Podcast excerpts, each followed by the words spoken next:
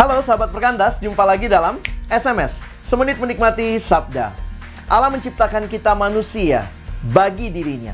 Kita diciptakan Allah untuk mengalami relasi persekutuan yang indah dengan dia. Itulah kehidupan yang sesungguhnya. Tetapi manusia mencari kehidupan di luar Allah. Manusia justru lebih mencintai berkat Allah daripada Allah sang pemberi berkat. Yesus mengingatkan kita dia datang dengan tujuan yang jelas. Yohanes 10 ayat 10b. Aku datang supaya mereka mempunyai hidup dan mempunyainya dalam segala kelimpahan. Ingatlah, kepuasan hidup yang sejati bukan di luar Tuhan, tetapi di dalam Tuhan. Nikmati berkat-berkatnya di dalam fokus kepadanya. Sampai jumpa.